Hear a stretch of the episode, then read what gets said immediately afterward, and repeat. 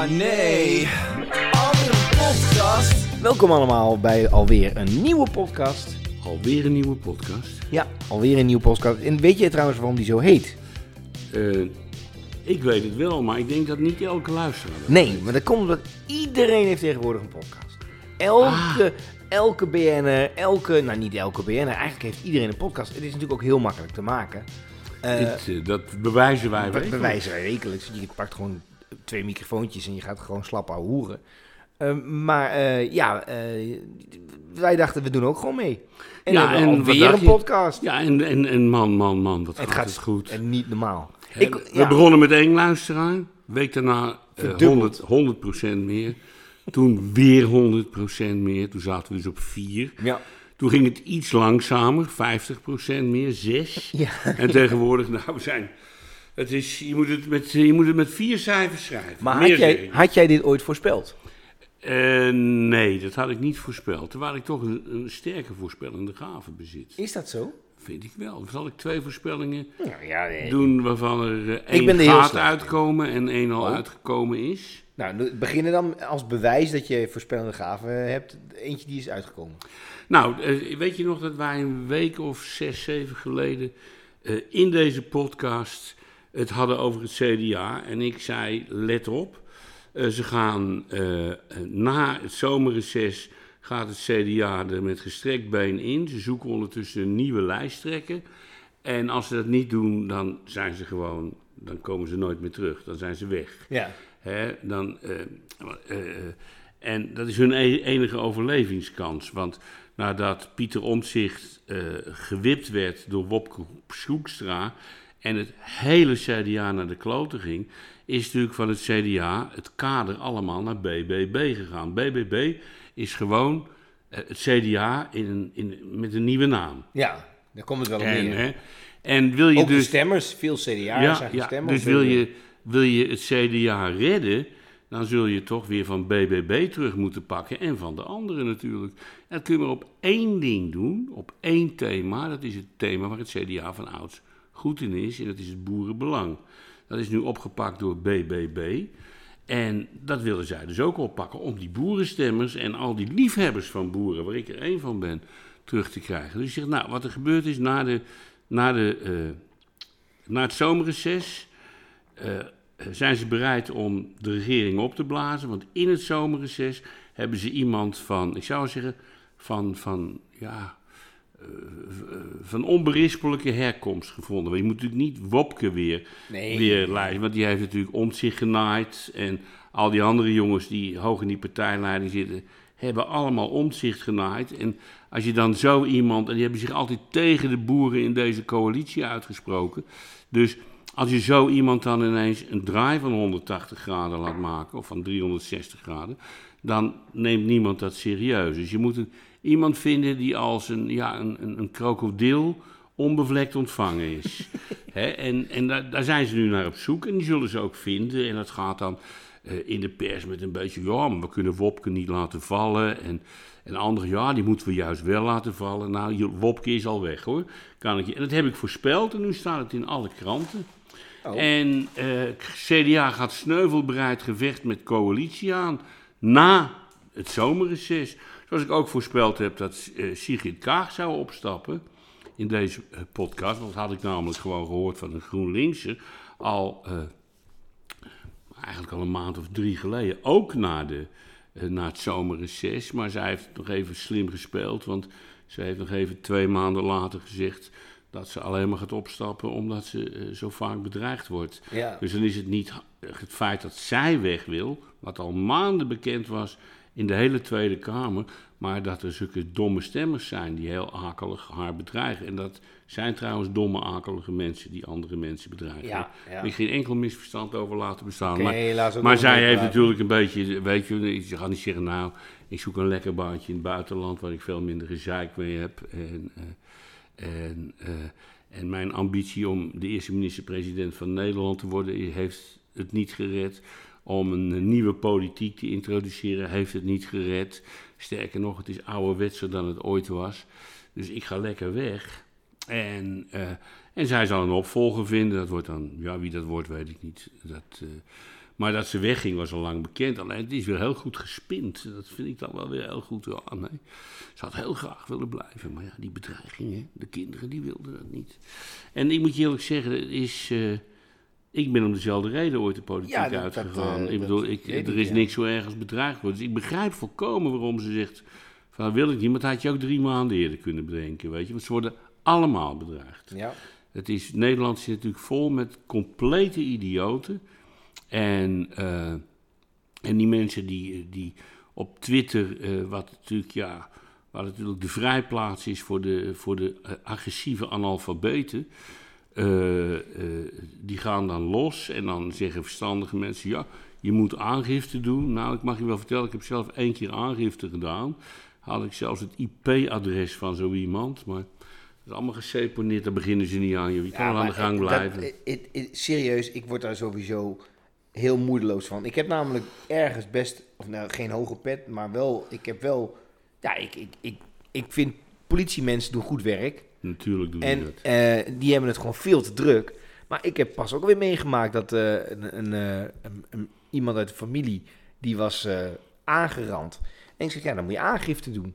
Nou ja, het, het bewijs ook op, op gesprekken van, van WhatsApp en zo. Dat- allemaal klip en klaar dat het gewoon gebeurd is. Ik zeg, ja, je hebt geen zaak, joh. Beginnen we niet aan. Ja, het moet allemaal heel makkelijk zijn. En dat, is allemaal, dat moeten wij dan begrijpen omdat ze te weinig mensen hebben. En dat moeten we begrijpen omdat de politiek er geen geld voor over heeft om voldoende eh, politieagenten aan te stellen. En bijvoorbeeld is een, is een, eh, een IT-systeem te ontwerpen wat wel werkt. Ja. dat werkt ook allemaal niet. Ja, dat is- Dat is natuurlijk te treurig voor woorden. Ja, dat is echt, ja. ja. Hè, het is, eh, ik- ja, ik, ik heb je al een keer verteld hè, in deze podcast van de 25 keer dat ik aangifte heb gedaan, is er niet één keer geweest dat er een dader eh, eh, eh, gepakt is. ja. En ik heb 25 keer wel een, een, een bericht gehad van de politie hoe ik, het, hoe ik hun inspanningen ervaar. En, of ik, en, en welk cijfer ik eraan Ja. geven. Ja, je wordt, er toch, heel- je wordt er toch helemaal gek van. Want dat hebben ze wel goed voor elkaar, de PR. Maar het is, ja, ik weet ook niet, ik bedoel, het is ook niet oplosbaar, weet je. Want de politie in Nederland is de helft van de tijd natuurlijk bezig met onzin dingen. Ja, ja En maar je, dan je begint bij- Extinction Rebellion, die begint weer, eh, die begint weer te aan in de vaste A12. lijven. En dan moeten er eh, 500 politieagenten uit het hele land komen. En eh, die mensen worden, eh, eh, die pakken ze op en die worden onmiddellijk weer vrijgelaten. Wat een, be- bedoel, als justitie vindt dat dat redelijk is, is het prima. Maar roept daar geen 500 Ja. politieagenten op, Ja. weet je. Die denken, Jezus, Mina nog, doe ik al bijna Jezus Christus gezegd. Helemaal vanuit eh Schiermonnikoog naar Den Haag. En dan moet ik daar mijn werk doen. En dan, eh, en dan eh, nou, dat doe ik dan. En dan arresteer ik ze. En dan worden ze gewoon aan de achterkant direct weer vrijgelaten. Had mij lekker. En daar heb ik trouwens een oplossing voor bedacht. Heb je dat al verteld? Nee, nee, nee. Nou, het is ook later gelijk in de pers te schandelijk is dat die Extinction Rebellion boys en meisjes gearresteerd worden, want die zijn zo goed bezig voor de wereld. En eh, ook wat, eh, wat, wat verschillende eh, activistische politici zeiden van schande dat Jan van Zanen dat, ja, dat heeft toegestaan. Dat ze opgepakt werden en in busjes werden afgevoerd en weer vrijgelaten. Die moet gewoon terug naar Utrecht. Dan kunnen we, nou, ik zou zeggen, regel het vooral. Graag, ja. Graag. het is... en al de media vinden het schandelijk. Al die boeren die gingen maar vrij uit. Maar ja, die hadden tractors. En deze zijn echt idealistisch bezig. Nou, we kunnen dit probleem heel makkelijk oplossen. Extinction Rebellion zegt gewoon waar ze willen gaan demonstreren. Op een snelweg. Zeggen ook de tijd, dat doen ze altijd heel braaf. Wij gaan van 4 tot 8 demonstreren, of van 2 tot 4.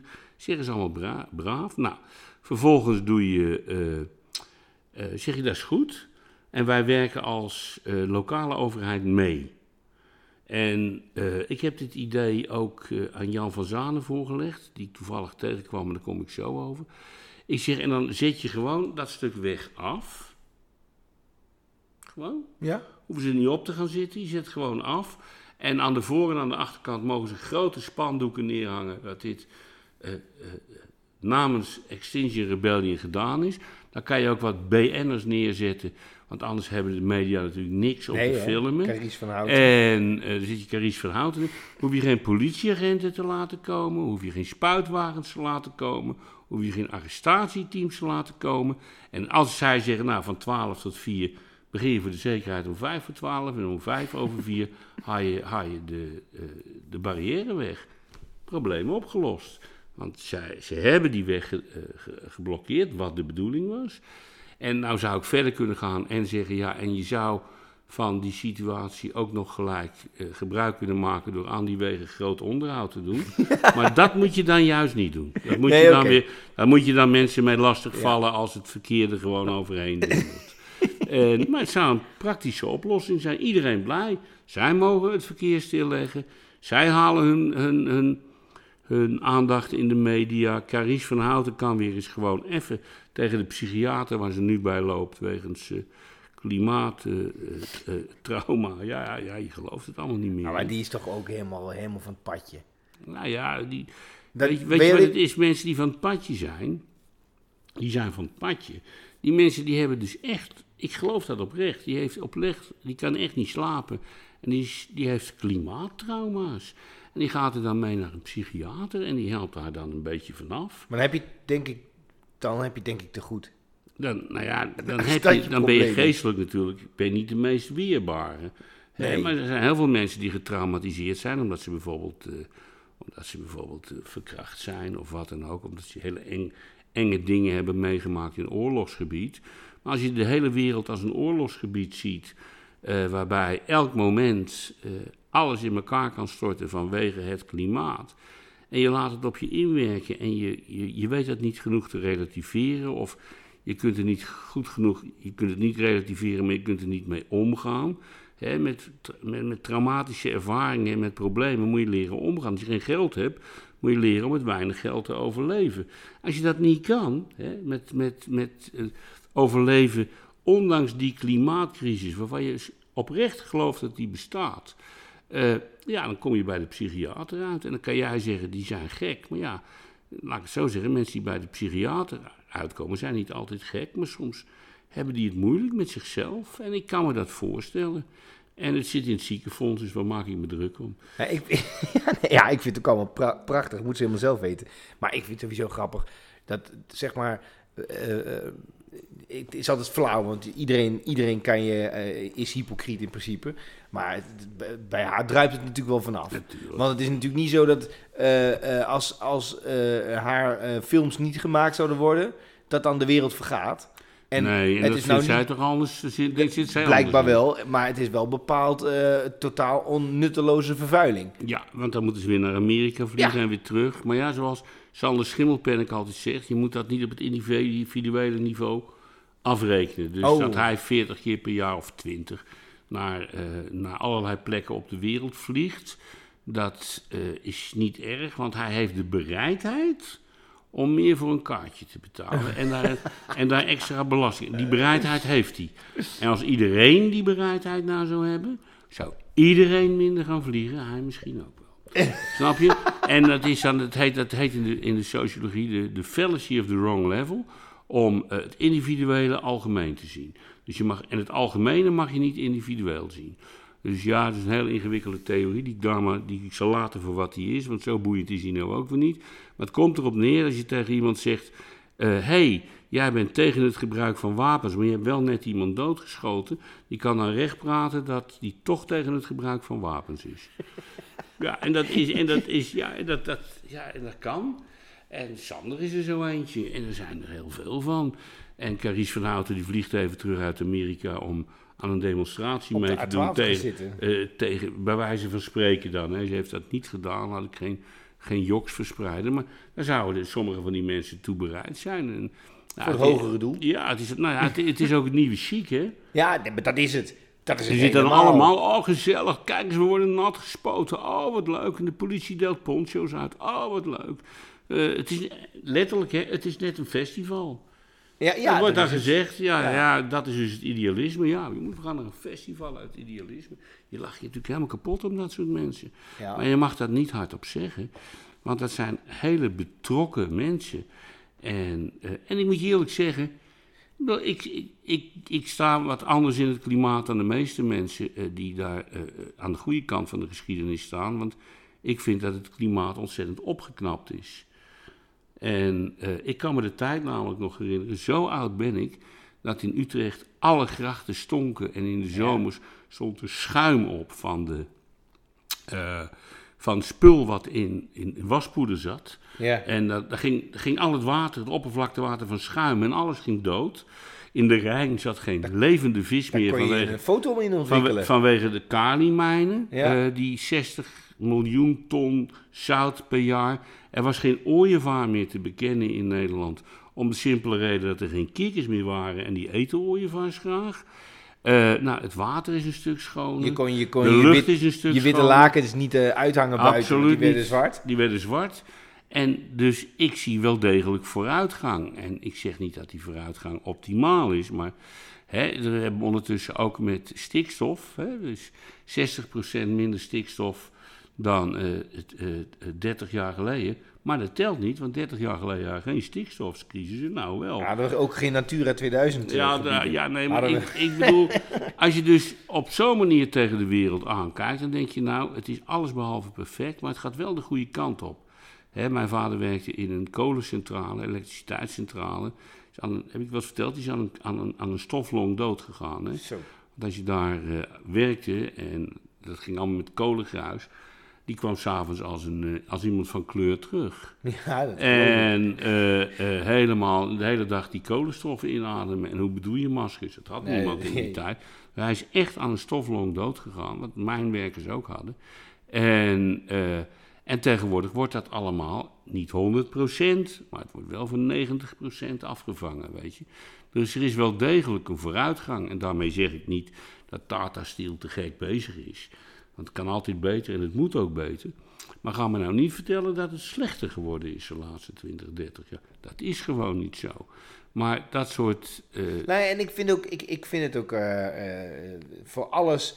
Eh, vind ik, ik, ik, ik kan altijd wel waarderen als er mensen ergens voor staan. ja, vind ik doen. ook. Ook als ik het niet mee eens ben. Ja, precies. Ja, dat vind, kan ik. Kijk, ik, als je een Jehovah-getuige aan de deur hebt, dan denk ik ook, heb ik helemaal geen zin in. Maar als diegene echt denkt dat hij mij daarmee redt, heb ik, vind ik het ook. Heb jij er wel vijf minuten voor over? Ja, dan vind ik dat wel sympathiek van die persoon. Ja, het is. eh, Alleen, ik denk dan ook altijd, en dat, gelukkig zie je nu wel, bijvoorbeeld dat het is Extinction Rebellion gaat dan een keer eh, demonstreren bij Shell, was iedereen ook boos over. Terwijl ik denk, nou, dan ben je eindelijk een keer op de goede plek, Ja, in plaats van dat je in, het kun- in, het, in het Rijksmuseum een, een kunstwerk loopt te bekladden. Ja, ja, ben ik volkomen mee eens. En, Ga eh, dan inderdaad naar de plek toe waar het ook eh, daadwerkelijk het probleem zit. En dat, eh, ja, ben, ik, dat, eh, dat ben ik volkomen met je eens. Maar nou, het probleem, kijk, wij raken natuurlijk niet van de. Mijn schoonvader, die heb ik je wel eens verteld, die is een gezaghebbend. eh, hij is gepensioneerd nu, kernfysicus in Engeland. En zo links, zo links dat je ze in Nederland niet vindt. Hij, wo hij woonde, hij behoorde in, in Engeland tot wat daar heette de Looney Left. En, Dat klinkt eh, wel gezellig. Ja, dat, eh, Tony Benn, Sir Tony Benn. Eh, Die was van adel, maar die gaf zijn adellijke titel op. Eh, Belangrijke man, voorzitter van, van de Labour-partij. Was een vriend van hem. En ik heb die mensen allemaal ook wel eens mogen ontmoeten. Die waren een partij links, jongen. Daar hebben we in Nederland nog nooit een idee van gehad. En mijn schoonvader zei altijd... de generatie, al 50 jaar geleden... De generaties na ons zullen ons vervloeken. Omdat wij de grondstoffen hebben verbrand, hebben opgemaakt. En hij werkte op een experimentele kerncentrale. Eh, hij deed kankeronderzoek hè, tegen celdeling van kankers. Want je weet, als je kankers hebt, word je bestraald. En mijn schoonvader was een van de mensen die ervoor gezorgd heeft dat dat goed gaat. Wauw. Dus dat was, ja, hij, is ook, hij heeft nooit gewonnen, maar wel genomineerd geweest voor de, voor de Nobelprijs. En, eh, en die zei altijd, en als ik, als ik dan vrienden meenam, dan kreeg je een, een, een tocht door een kerncentrale, experimentele kerncentrale. Waar dus al die, die experimenten gedaan, die kerncentrale was niet experimenteel, maar er werden ex- experimenten gedaan. En, en die zei, jongens, de enige redding voor deze wereld is kernenergie. Ja. Wat er ook, en er zitten een hoop nadelen aan. Maar let wel, de nadelen van alle andere vormen van energie zijn veel en veel groter. Ja. Behalve de vervuiling vooral. Dat, ja, je maakt toch ook van bijvoorbeeld van, plas- van eh, aardolie plastics en kunststoffen. En als dat allemaal op is, dan kan dat niet meer. En ja, en ik moet je eerlijk zeggen, het, eh, er werd altijd veel gedemonstreerd in Nederland tegen kernenergie. Deed ik nooit aan mee. En voor de rest Hey. was ik wel tegen kernbommen en zo. Daar ben ik eigenlijk nog steeds tegen. Maar, en niet zo'n beetje ook. Maar het heeft... eh, het was altijd heel links om tegen kernenergie te zijn. En daarna gaan ze allemaal op vakantie in Frankrijk. En Frankrijk drijft op kernenergie. Nee, ja, ik en ze gaan op eh, vakantie in Engeland. En dat drijft op kernenergie. Ik heb ook een keer een hele knappe kop eh, daarover gesproken. En toen had ik, ik, had ik ook de kans om met zo'n knappe kop te spreken. Toen zei ik ook van, joh, u heeft er verstand van. Wat moet je dan doen? En die zei ook, ja, kernenergie is het, is het meest schone wat er is. En die beweerde zelfs dat eh, het ook best zonder kernafval kan, maar dat het gewoon nog te duur is. Nou ja, tegenwoordig is het zo dat het kernafval in een moderne kerncentrale is geen 5% meer van 30, 40 jaar geleden. En dat kun je heel diep afstorten op een diepte die, eh, waar zelf al eh, de radioactiviteit heel hoog is. Maar ja, Je Dan zou het ook eh, naar de zon kunnen schieten. ja die zijn, Maar ja, dat is alleen een beetje gevaarlijk als het misgaat. Ja. Maar het dan eh, eh, heel diep begraven, dan komen er gelijk een paar van die linkse idioten die het verschil niet weten tussen een gecontroleerde ontploffing en een kernbom. En zo, oh, dat is levensgevaarlijk en dat kan ontploffen. Tegenwoordig kunnen ze zelfs, heet een ballenbak, hebben ze kerncentrales en dan gaat ongeveer een knikker aan radioactief spul tegelijk in. Dus vroeger was het zo dat eh, er ging echt heel veel van die staven. Ik heb het allemaal van dichtbij mogen meemaken. En ja, als het dan doorbrandde, dan had je toch wel een probleem. En tegenwoordig hoeft dat helemaal niet meer. Maar ja, dat maakt niet uit, want waarom zou je, als je eh, het gelijk aan je kant hebt, ooit van mening veranderen? En ik, ik denk dat de mensen die de kernenergie hebben tegengehouden, allemaal links, ze zullen vervloekt worden in de toekomst. Dat denk ik. En, eh, en nou nog steeds, hè? Ik bedoel, je bent nog steeds helemaal het mannetje als je vindt dat alle kerncentrales in Nederland niet gebouwd moeten worden. We laten we nog maar, laten we nog maar 10.000 hectare zonnepanelen Ja, aanleggen. En dat Midden in een weiland. Ja, ja, je kan niks meer met die weilanden. Ja, ja, maar wat ook zo leuk is, ik weet niet of je dat vorige week las. eh, ze kunnen ook, er is nu, af, je kunt in Nederland geen zonne, eh, nauwelijks meer zonnepanelen aanleggen. Hè? Want het, het, het, het warmte, het, het, eh, het net, net kan het niet stroomnet kan het niet aan. Ja. Eh, om die reden kun je ook niet bouwen, want je kunt geen stroom meer aanleggen. Dus, laat ik het zo zeggen, idealistisch wanbeleid komt nu, gaat nu ontploffen. Want ja, nee, we moesten allemaal zonnepanelen nemen. We moesten allemaal eh, windmolens hebben. We moesten allemaal, allemaal dingen. En ik heb ook 33 zonnepanelen op mijn dak liggen. Net heb ik ben blij dat je het tegen- op, ik ben blij dat je het op je, op je dak hebt en niet in een weiland. Ja, tuurlijk. Ja, ik heb een plat dak. Dus Ja. Niemand ziet ze. Nee, daarom. En eh, het is heel prettig om te hebben. En, eh, en daar is allemaal niks mis mee. Maar ik mag ook teruggeven aan het net. En dat kan dan niet meer. En nou, kan dan niet meer. Alleen in Utrecht, in deze wijk nog, in het centrum, kan het al niet meer.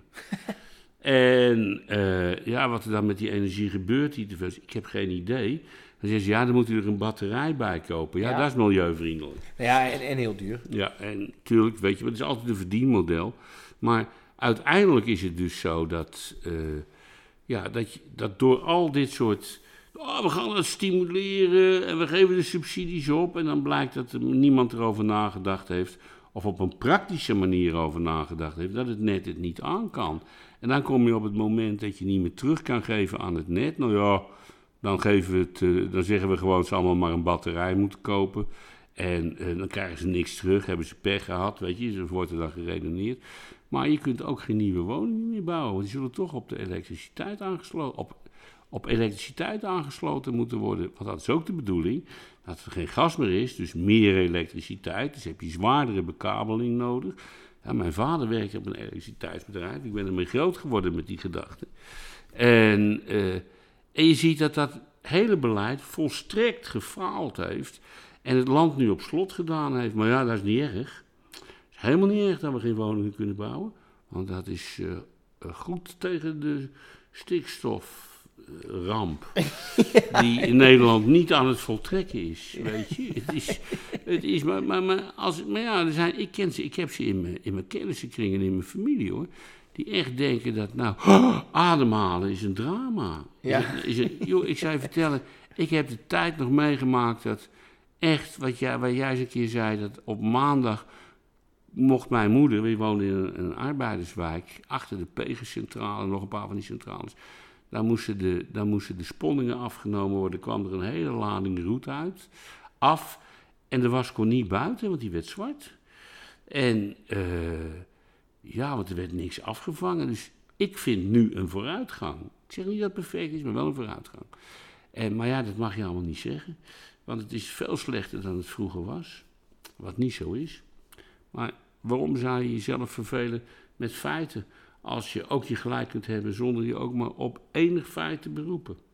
Ja, ja en, en vaak ook dat soort dingen zegt omdat het je goed uitkomt, toch? Of tenminste, eh, wat je al zei, dan sta je aan de goede kant van de, van de geschiedenis. Ja, maar een van die andere dingen waarmee je aan de goede kant van de geschiedenis is natuurlijk bijvoorbeeld voedsel. Hè?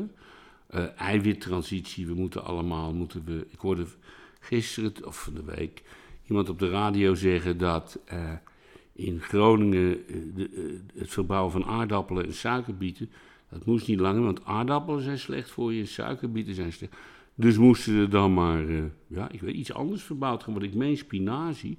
En dat, dan denk je, nou, dat zou kunnen. Hè? Wie is die man? En die blijkt dan... Uh, Van de spinazielobby nee, te zijn. Die, die blijkt werkzaam te zijn bij een, uh, bij een pensioenfonds. en, uh, en dan denk je, is dat een spinazie-expert? Maar die mag dan gewoon helemaal leeglopen. Terwijl ik me voor kan stellen dat ze daar geen spinazie verbouwen. Kan ik me voorstellen, hè? Omdat die grond niet zo geschikt is voor spinazie, maar wel voor aardappelen en, en suikerbieten. Uh, maar die man zei, nou aan spinazie valt veel meer geld te verdienen. Dan denk ik, waarom doen boeren dat dan niet? Maar zo'n lulde behanger, die mag dat dus gewoon allemaal vertellen. Wordt niet versproken en dan weer gesproken. Dan lult hij nog iets over de toekomst. En, en dat het beter is voor het milieu. En dat we toch allemaal aan, de, aan, de, uh, uh, aan het vegetarisch eten moeten. Nou, en zo zie je dus dat mensen die nergens verstand van hebben met veel aplomb en, en gebaseerd op idealen. Want in dit geval moet het dus echt omdat we allemaal vegetarisch moeten gaan eten. Want dat is goed voor de natuur. Want koeien zijn slecht voor de natuur en nog slecht, sterker. Koeien, koeienvlees, kippenvlees is niet alleen ontzettend natuurbelastend, maar ook heel slecht voor mensen.